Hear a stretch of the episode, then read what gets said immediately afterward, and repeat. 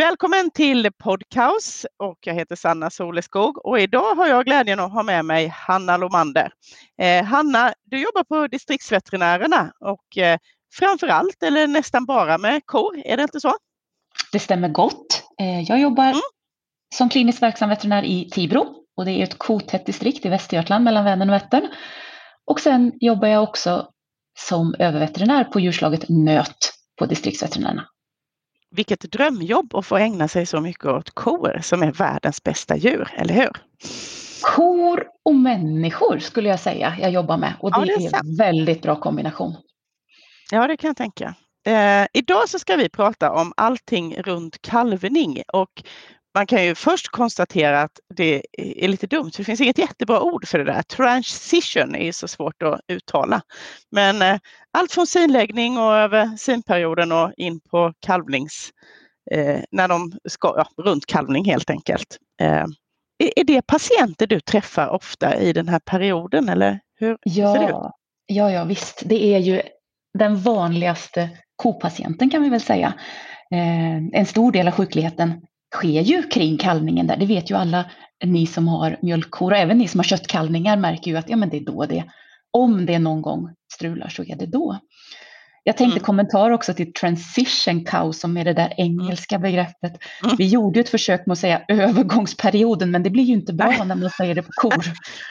Nej, det låter ju mycket mer som klimakteriet och det är ja. inte alls det det handlar Nej. om. Nästan tvärtom kan man säga. Mm. Precis, men slutet ja. av finperioden och början på laktationen.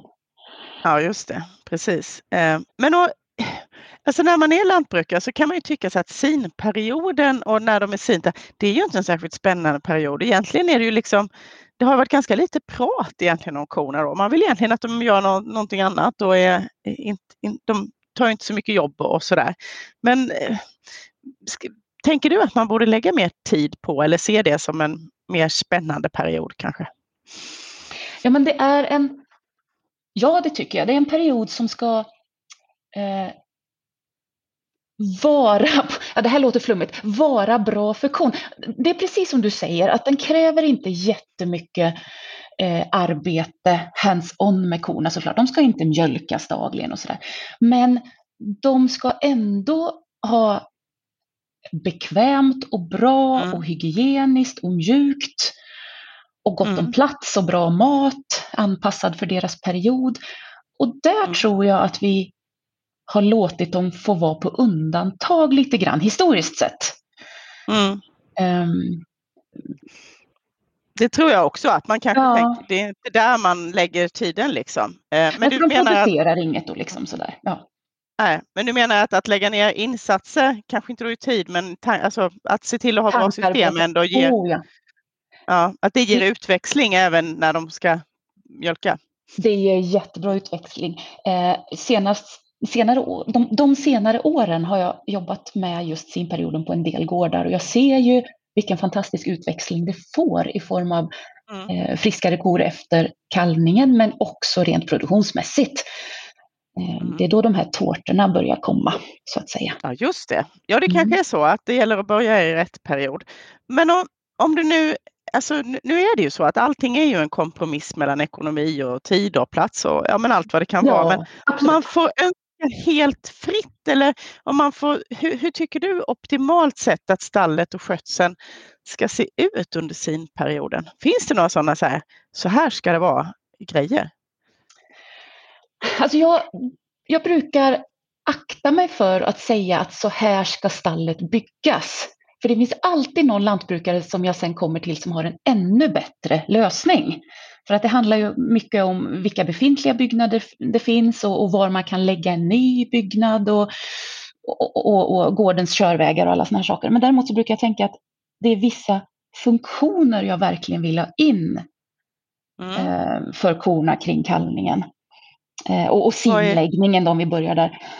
Eh, ja, om vi börjar med sinläggningen, hur gör man den? Alltså, för där är också så att det, vi har ju rätt många olika system idag. Mm.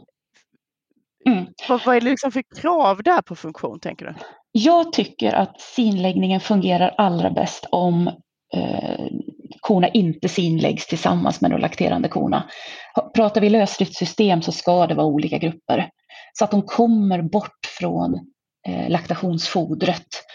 Eh, och, och, gärna att det är på an, en annan stalldel så att de inte har mjölkningssynintrycken. Eh, men det viktigaste är att det är en annan grupp i alla fall, eller en annan, är det uppbundet då att det är en bit bort så att säga. Alltså, det är ju eh. väldigt intressant, för jag tänker också säga, jag är väldigt intresserad av beteende, så om man ser det till liksom grundkonceptet vad kon är, så mm. Det naturliga beteendet, jag menar, där är det en grupp med kor, alla mm. har kalvat på mm. och så går de med kalven och så tar betet slut och det sker ju inte över en dag, ja det är väl om det faller mycket snö liksom. Mm. Och så synläggs ju alla ja, samtidigt, precis. långsamt precis. därför att det finns inget här. Och det är ju ganska långt ifrån Nej, så vi måste, alltså det, det, vi, det vi måste göra med den moderna kon så att säga i våra mjölkbesättningar, det är ju att vi utsätter dem för en Ja, men vi, vi utsätter dem för en höst, ja men det var ett bra uttryck. Ja, ja. Och, och mm. eftersom flera utav korna ska fortsätta och, och laktera um, så, så, måste vi förflytta dem till hösten som du säger där. Um, mm. att, att vara kvar i flocken, då, då kommer de fortsätta med sin laktation när de mm. har kvar samma foder och samma stimuli. Mm. Mm. Så annat foder och så att man slipper se och höra mjölkningen. Eh. Och sen ska det ju ändå vara enkelt att ta henne till mjölkning. Eh, det, det, det, det, finns ju en liten...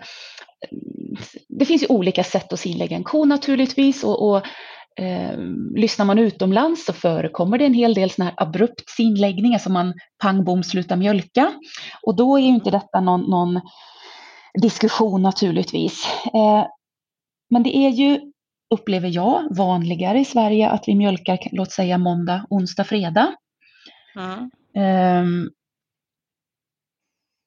för idén är ju att vi vill ha ett, en, en, ett mjölktryck i djuret för att få den negativa signalen tillbaka till, till mjölkproduktionen, att hon ska stängas av.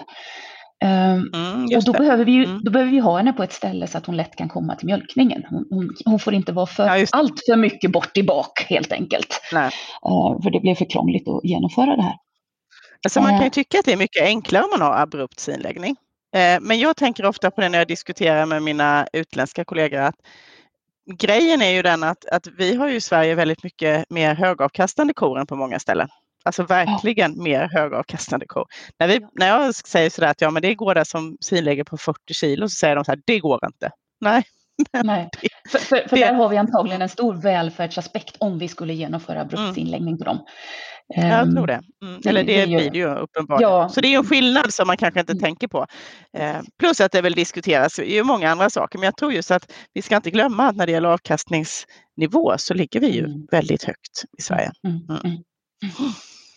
Mm. mm. Ja, du, har vi kommit till eh, olika foder och de ska kunna bli mjölkade och det ska, man ska slippa ljud och, ljud och syn då så att säga. Ja. Um, Mm. Sinperioden är ju känslig för kon eftersom de då mm, ska börja stänga av sitt juver och, och de kan läcka mm. mjölk och vi har spenkanalen som bakterier kan komma in genom och så. Så att det ska ju vara riktigt hygieniskt. Det ska vara en, en välskött miljö, en miljö som är enkel att sköta. Eh, mm. Eh, så att det är torrt och fint där de ligger. Sen eh, är ju drömmen att kon ska kunna spendoppas dagligen under den här sinläggningsperioden. Mm. Och det ser ju jag är ganska svårgenomförbart i många stall. Mm. Ehm, för att eh, man inte riktigt kommer åt korna på det sättet.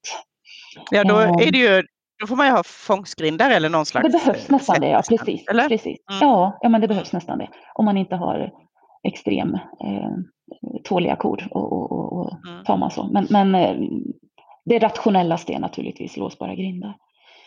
Mm. Eh, för att eh, spen, ja, få det externa spenskyddet då helt enkelt. Mm. Mm. Det är de sakerna jag tänkte på lite inför ja. Hur jag vill att kon ska bo inför sin livning. Ibland, ibland hör man ju nästan så här lite att ja, men man vill ju att kon ska, alltså just för att hon ska lite gå in, inte någon slags chock, men i princip liksom, mm. ska, ska tas bort. Man tar bort dem från allt foder, man kanske bara ger dem halm, man ger dem. Mm. Utomlands finns det ju ett, mm. ett sätt Alltså inte att alla gör det, men det förekommer att man till och med tar bort vatten och det ja. är ju helt emot både lag och eh, rimliga djurvälfärdshänsyn. Men Mm. att de liksom ska på något vis ha det nästan som de ska ha det dåligt. Men, men det är Ja, men inte det, ju- jag hör dig teorin, säga. Nej, men teorin där som du säger, det är ju att man ska chocka dem till att stänga av sin mjölkproduktion.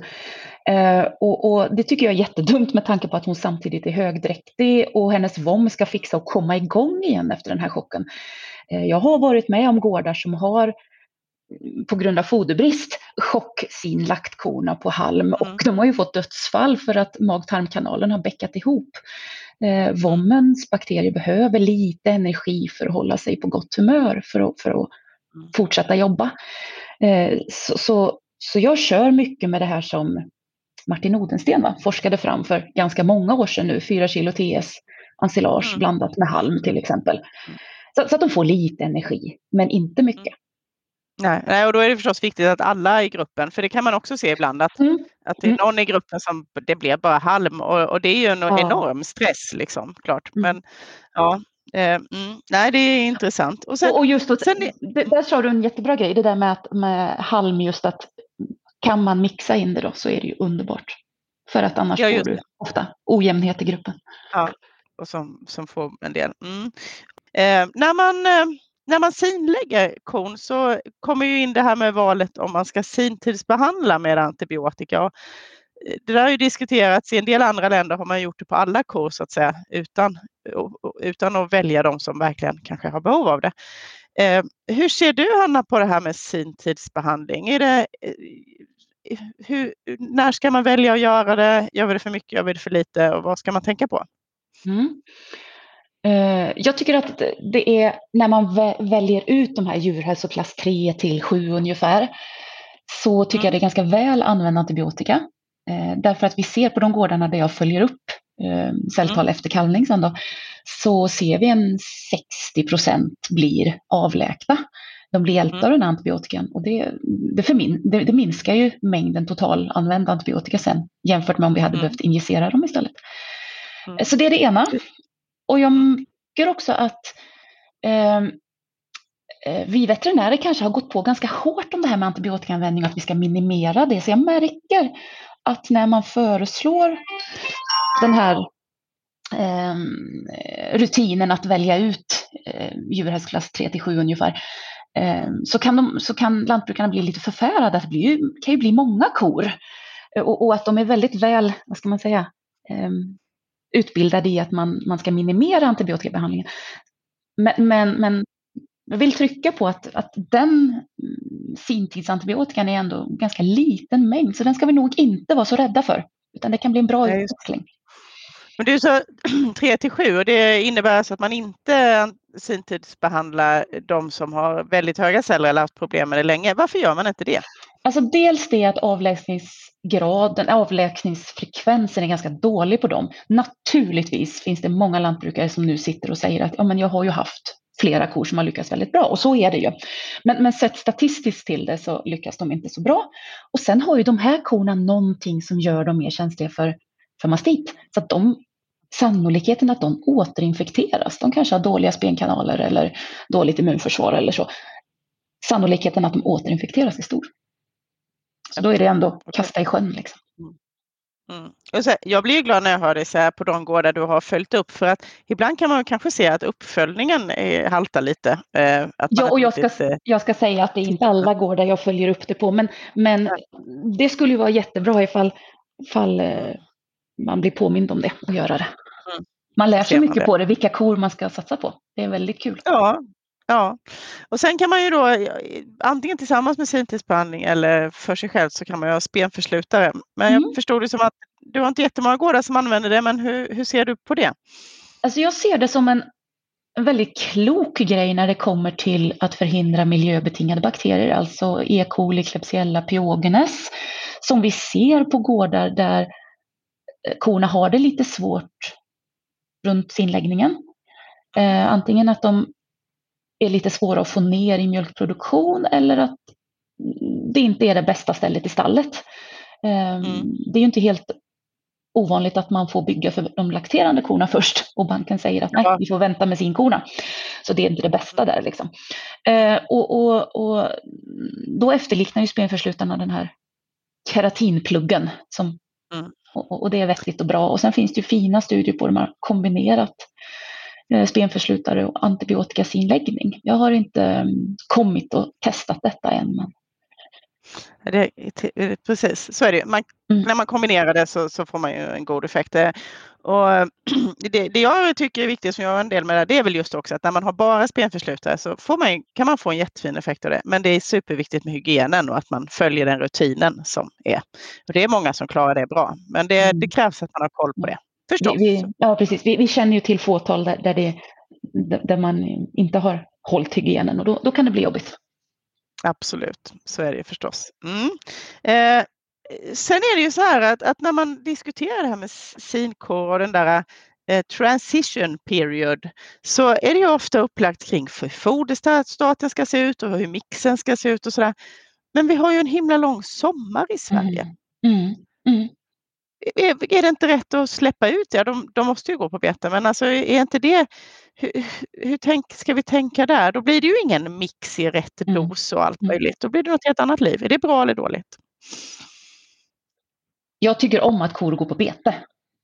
Jag, mm. jag, jag, tycker om det, det vill jag säga först. Men det är svårt att vara sinko på alla typer av bete. Och mm. det är också svårt att vara sinko och men till exempel att vara sinko och komma ut alldeles nysinlagt på ett bete som är för kraftigt till exempel. Då ser vi ja. ju ibland att, att de svullnar djuren igen, de fyller på sin mjölkproduktion för det, det, det är för mycket energi i betet. Och mm. senare på hösten så kalvar de in med de här pyogenes mastiterna till exempel. Så det är ett problem vi ser att jag brukar rådge kring att håll inne sinkon en, två veckor extra efter slutläggning, sl slutliga sinläggningen så att, så att hon liksom verkligen är avstängd innan hon får komma ut. Mm. Och att man då tittar på vilken typ av bete hon får gå ut på. Det får inte vara värsta vallåterväxten. Ja. Um, Nej, så det är väl det, det ena. Mm. Mm. Ja, det är, för så är det klart att, att vara sinlagd och komma ut på en, ett bra vallbete, då, då, då, blir det ju, mm. då får man ju ett problem där. Men, men det görs tyvärr fel... ibland för att man beror lite på vart stallet eh, ligger och, och, och vilka ja. beten man har ja. tillgängliga. Ja. Ja. Och, och sen det andra är väl, andra som jag ser mycket problem av, det är ju att kor som har kalvat i augusti-september det är ju de som jag sen ultraljudar och som står med pyometrar och alltså mycket var i livmödrarna och så här, och de, de visar ju tecken på att de inte har varit bra i gjorda för, mm. eh, för. Och mm. spårar man tillbaka så har de ju gått på bete då juli, det har varit torrt. Mm. Eh, troligtvis ganska energifattigt bete och så kanske frågetecken kring mineraltilldelningen på bete.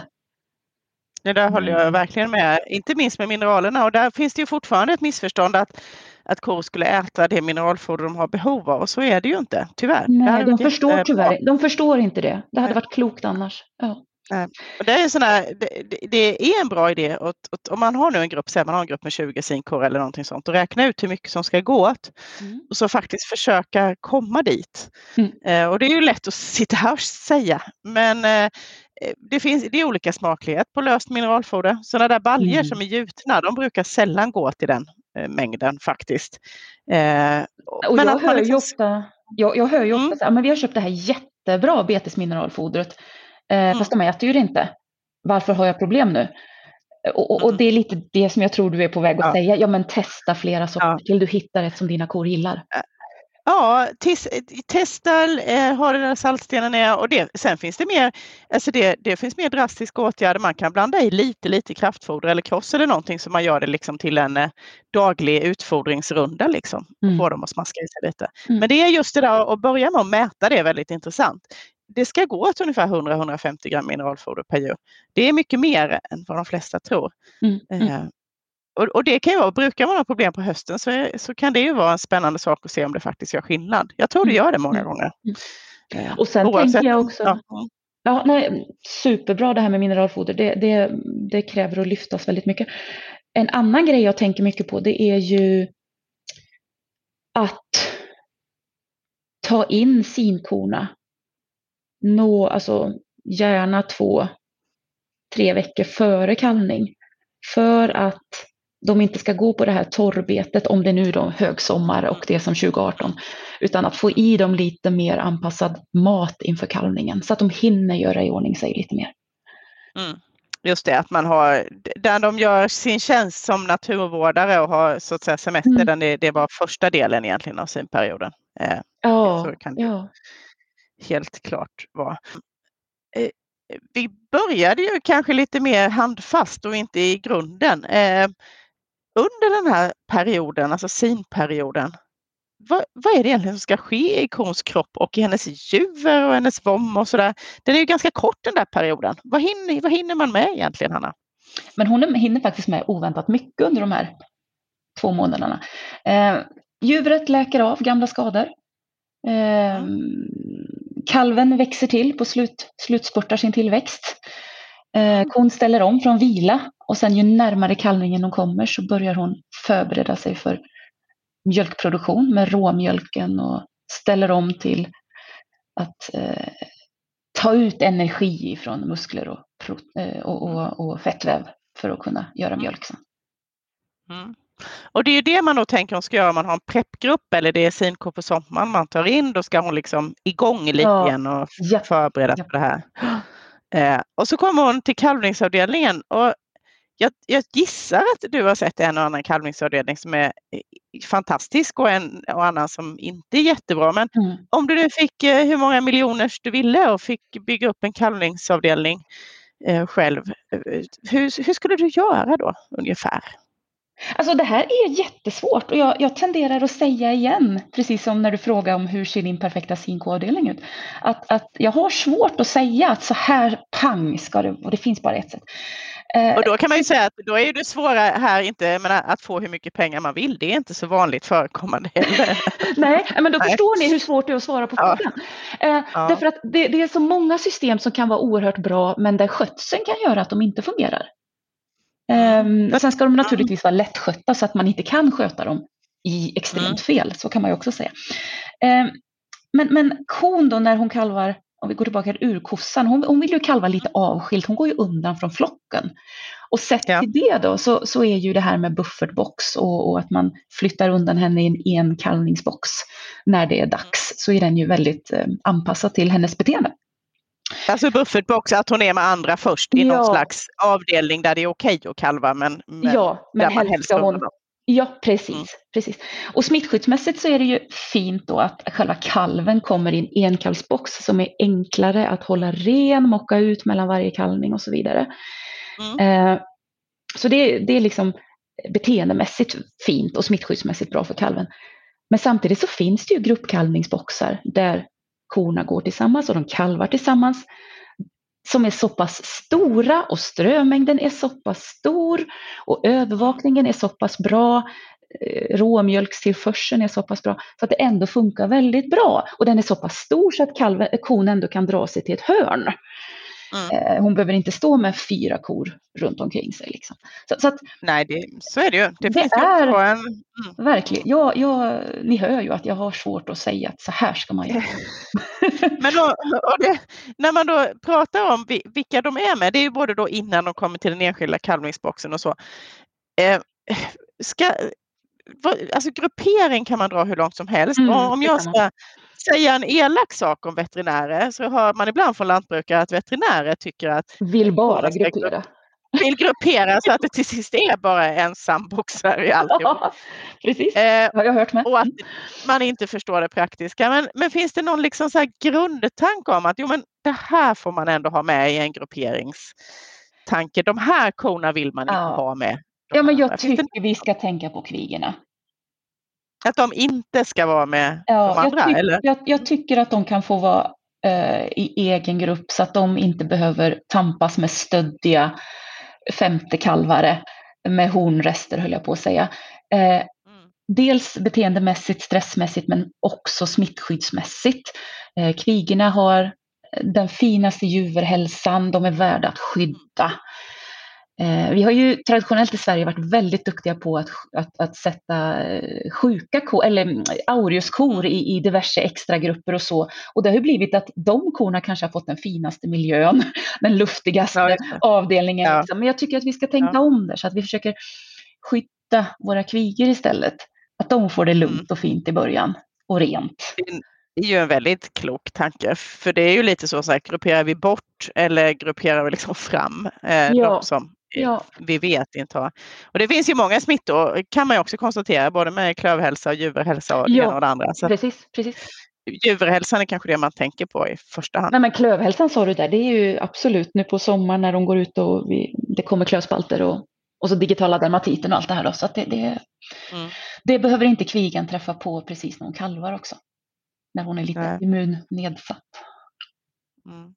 Så gruppera så kvigerna är för sig eh, och sen så beror det på, tänker jag, gården vad man grupperar i, Ja. i övrigt. Och Ja. att de helst får kalva själv eh, med någon typ av buffertbox. Finns det några andra sådana funktioner du skulle ha i ditt drömkalvningsstall? Eh, ja, jag vill att det ska gå att mjölka henne enkelt. I boxen? Det, Gärna. Det, Mm. det finns, vi ser mer och mer eh, problem att få ut råmjölk ur korna. Mm. Eh, dels att eh, det kan vara lite krångligt att mjölka dem så att det gärna drar ut på antal timmar och då får vi en utspädningseffekt i djuret, har dålig, dålig råmjölkskvalitet. Men också faktiskt att det släpps ganska dåligt. Mm. Eh, det det här har jag ingen statistik på utan det är bara en känsla och observationer Ja, jag, jag gör. Ja, jag håller, håller Eh, med. Det, håller med? det är- Ja. Så jag har Och det förekommer ju lite i det ena och det andra i olika system, men det är ett problem uppenbarligen. Ja, så jag börjar fundera på mycket hur, hur vi ska mjölka de nykalvade korna. Ska man göra det i boxen med kalven framför nosen? Släpper de bättre då? Ehm, Mm.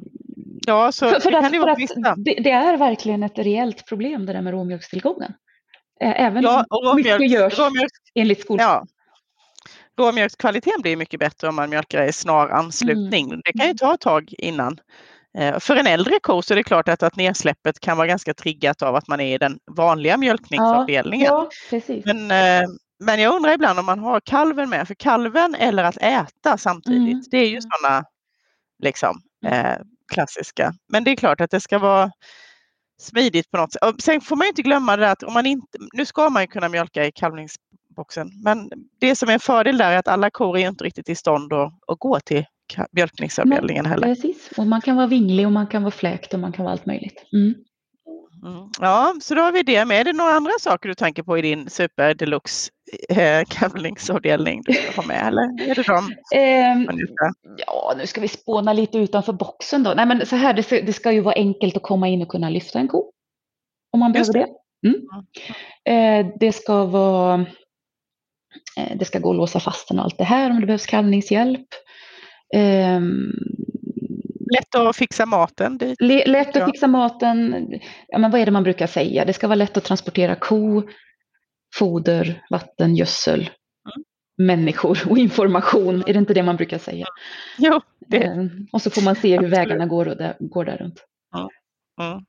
Ja, det, låter ju som en alldeles utmärkt eh, sak.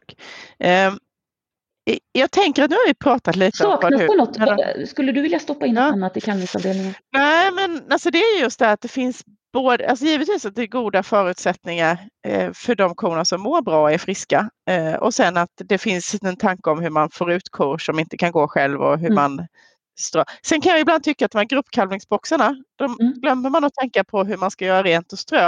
Om Mm. man har en, ett rejält tryck på kalvningarna Mm. Så är det liksom aldrig tomt. De blir väldigt höga. Eh, och det, ja, det blir högt och då är det lite så här, behöver man ha två? Mm. Kan man ha en annan variant? Kan man Mm. stänga av dem med en grind så man kan Mm. göra rent halva samtidigt? En plan för det, för att Mm. Mm. de flesta besättningar idag så är det ju inte så att nej, nu kalvar ingen på en vecka, utan Nej. det är ärligt talat ett rejält tryck hela tiden. Japp. Och det tänker jag att man ibland missar lite, eh, hur det rent praktiskt ska gå till. Eh, och så. Ja, jättebra att du tar upp det. Jag sitter och ser en gård med två sådana gruppboxar framför mig när jag sitter och pratar med dig. Mm. Så det är bra att du Mm. säger det. Jo, jo, lite så, så att man liksom Mm. kan göra någonting. Annars Mm. går ju inte det för att det är kalvningar hela tiden eller Mm. det är någon ko som är lite dålig som ligger kvar och så att då kan man inte göra det och, Mm. och sådär. Så Ja, och där sa du en jättebra grej. Även om man då har de här gruppkalvningsboxarna så Mm. ha sjukboxar. Det är väl Just det, det är en stor samma. um, grej. Ehm, Mm.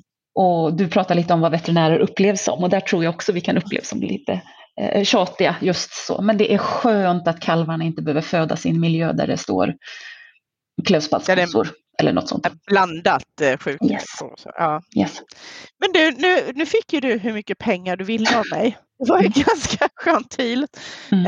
Eh, om man inte har det då? Om man har lite för trång kalvningsavdelning och det är inte helt... fi- Finns det andra saker som, är- som man kan liksom förbättra läget? Har du några sådana där smarta tips för den som inte får hur mycket pengar som helst av den som någon som utlovar Ja. det? Ja, ja, ja. ja men- och, och, för det är ju detta som vi jobbar i dagligen. Det finns ingen Mm. som får obegränsat med pengar. Eh, Nej, och det kan också vara att man sitter i en situation där man har utökat kanske med koantal och kalvningsavdelningen hängde inte med eller det ligger i... Där ingen ska betala. Eller, det, det finns Ja. ju massa scenarier. Liksom. Eh, ja, men absolut. Eh, Vad gör man då? När man inte, det, är lite för, det är lite för trångt i kalvningsavdelningen. Ja, ja. Mm. Eh, alltså dels, nu, nu spelar vi in det här när det är sommar. Och en sån där grej, det är ju faktiskt eh, som kan rädda en del som börjar komma in i en period med, med mycket kalvdiarréer och så, det är att låta dem kalva på bete. Faktiskt. Just det. Ja. Mm. Det, det är ju en quick fix. Eh, eller ett, ett andningshål under några månader, kanske om det är bra väder. Då behöver ju inte det vara på ett bete två mil bort utan en Nej. kalvningshage i anslutning en till kalvningshage utanför stallet, ja, för du vill ju ha tag på kalvarna och kunna se till att de får råmjölk Mm. och eh, mjölka kon och liksom så, absolut. Eh, nej, jag menar inte sinkobetet långt bort. Nej. Eh, Jag brukar tänka att min optimala kalvningsbox det skulle egentligen vara i nära anslutning till ladugården så man kan ta in korna och de kan till och med äta lite mix kanske och man kan eh, ta hand om dem. mm. Och sen går de ut på ett bete och så finns det ett träd och en buske de kan välja att kalva bakom. Så och sen. Just det, precis. Så ser det inte ut i Småland men ändå. Nej, Eh. där finns det några stenmurar kanske också. Nej, Ja just det. nej förlåt. Nej men lite Ja. så att det faktiskt kan vara en smidig lösning om man bara Mm, mm. löser arbetsskyddet givetvis. Att det kan vara, Ja, så att man inte så att blir man inte utsätter attackerad. Ja. för risk. Mm, Mm. mm. Jättebra. Mm. Nej, men det är väl det ena. Eh, och sen får man ju få liksom de här basbyggstenarna som vi har pratat om på plats. Alltså att vi har en ko Ja. som är väl förberedd för kalvning, som får en anpassad sinkofoderstat, som får ett bra sintidsmineral, som får en bra sinläggning eh, med eventuell juvbehandling om det behövs. Ehm, Mm. Och liksom hela den biten. För då, då har man ju en, då har man ju kon så bra rustad som bara möjligt. Eh, och sen även om det är trångt så kan man ju hela tiden eh, jobba med att det ska vara så torrt som möjligt. Alla de här grejerna som drabbar kalvarna, kryptosporidier och virusen och så, de, och krypto framförallt, de, de gillar ju blöta kalvningsboxar och fostervatten på det och liksom gegg och klet. Eh, så Det är så att en sån avdelning blir eh, mer tungskött för att det krävs mer strö, strö Mm. och Mm, rengöring i det. Mm, absolut. Man ska inte ge upp alltså och tänka att det här Nej. går inte. Nej. Utan, eh, nej. nej, det låter bra. Mm. Men sen Och finns det ju till och med de som, som, som är på det läget att nej, men vi har ingen bra sintids eh, ingen bra sinavdelning utan nu har vi kanske typiskt sett en robotbesättning Mm. och där ska korna gå hela tiden och så ska Mm. de ut i en kalvningsbox den dagen de Mm. kalvar och sen tillbaka.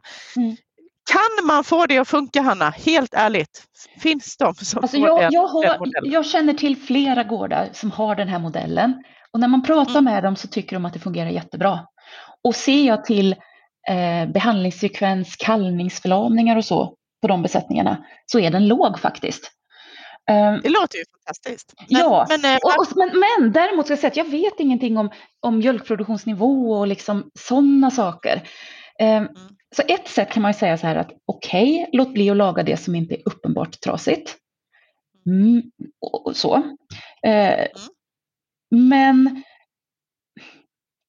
baserat alltså, på... du menar, ja, Ja, men, men baserat på det vi vet liksom om vad en helt, ja, inte helt optimal sinperiod kan göra för kon, för hennes hållbarhet, för hennes mjölkproduktion, hela laktationen Mm.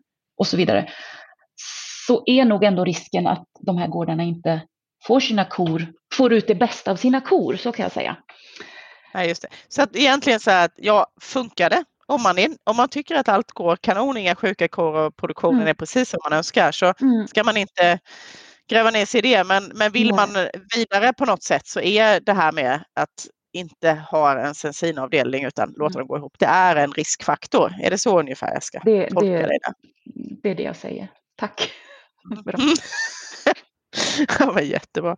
Eh, det är fantastiskt intressant att prata om, om alla de här sakerna. Eh, är det liksom, upplever du att det är lätt eller svårt att ändra saker här i synläggningen och i synperioden och hela det här? Har, har det hänt? Så, eller säg så här, under den tiden du har varit verksam som veterinär, det är inte så länge men ändå, eh, har det hänt något på det här området generellt sett tycker du? Har det blivit mm. bättre eller sämre? Ja, det är 17 år. Nej, det är inte så mycket. Eh, kor har funnits i Många. De har funnits tidigare. De har funnits tidigare, ja, Men är det en uppfattning? Ja, ja, men, ja, men det, har hänt, det har hänt jättemycket. Alltså, när jag började så var det ju mycket uppbundet fortfarande. Eh, den första robotgården var ju, som jag träffade på var ju en prototypgård för ett visst robotmärke. Eh, jättehäftigt så tyckte jag och konstigt. Eh, så, så det, har ju, det har ju hänt jättemycket naturligtvis och, och jag tycker att vår kunskap blir hela tiden högre och högre och vi förstår mer och mer eh, vad det här betyder för korna. Och eh, de här besättningarna där man börjar diskutera sinperioden och, och, och nysta i det och inte bara nöjer sig med att behandla kor med fula flytningar eller löpmagar till och med och sådär det, det ger ju väldigt bra utväxling. Men det är inte lika lätt att ta upp ämnet. Ja, men du sa, du frågade ju förut, ja, men gårdar som, som, som inte har någon sinläggningsgrupp och liksom inte tycker att de har några problem. Där är det lite svårare att, att, att börja diskutera och så. Men, eh, Kanske man, för att det praktiskt har blivit en lösning som man... Ja, det funkar. Man funkar. Mm. Nej men det är ju positivt. Jag håller ju också med. Jag tycker generellt sett att sinkor har det eh, bättre. Däremot så är det en hög mjölkavkastning just runt sinläggning. Där hoppas mm. jag att mm. vi blir ännu bättre. För att Där det har vi mer att jobba på. Japp. Mer, mer höst liksom på något vis. Mm. Mm. Och råmjölkstillgången ja, är en, en sån grej jag tänker Ja, också. den är verkligen. Mm. Och det här med råmjölk och vad som händer med kalvarna, det lär vi prata vidare om i, i podcast i andra avsnitt, för den är också en verklig sån här eh, flaskhals man ska igenom eh, i produktionen vad gäller kalvar. Mm. Toppen! Jag hade ju gärna sett att jag hade haft alla de där pengarna så du hade kunnat få bygga upp den där gården så jag hade fått, vi hade kunnat göra en uppföljning sen och se hur det, hur det funkade. Mm. Men vi, vi sparar väl det avsnittet lite tänker jag Hanna. Så mm, du ska ju hinna med ditt jobb som veterinär också. Ja. Mm. Stort tack för att du var med idag och på återhörande. Mm. Tack, tack för att jag fick vara med.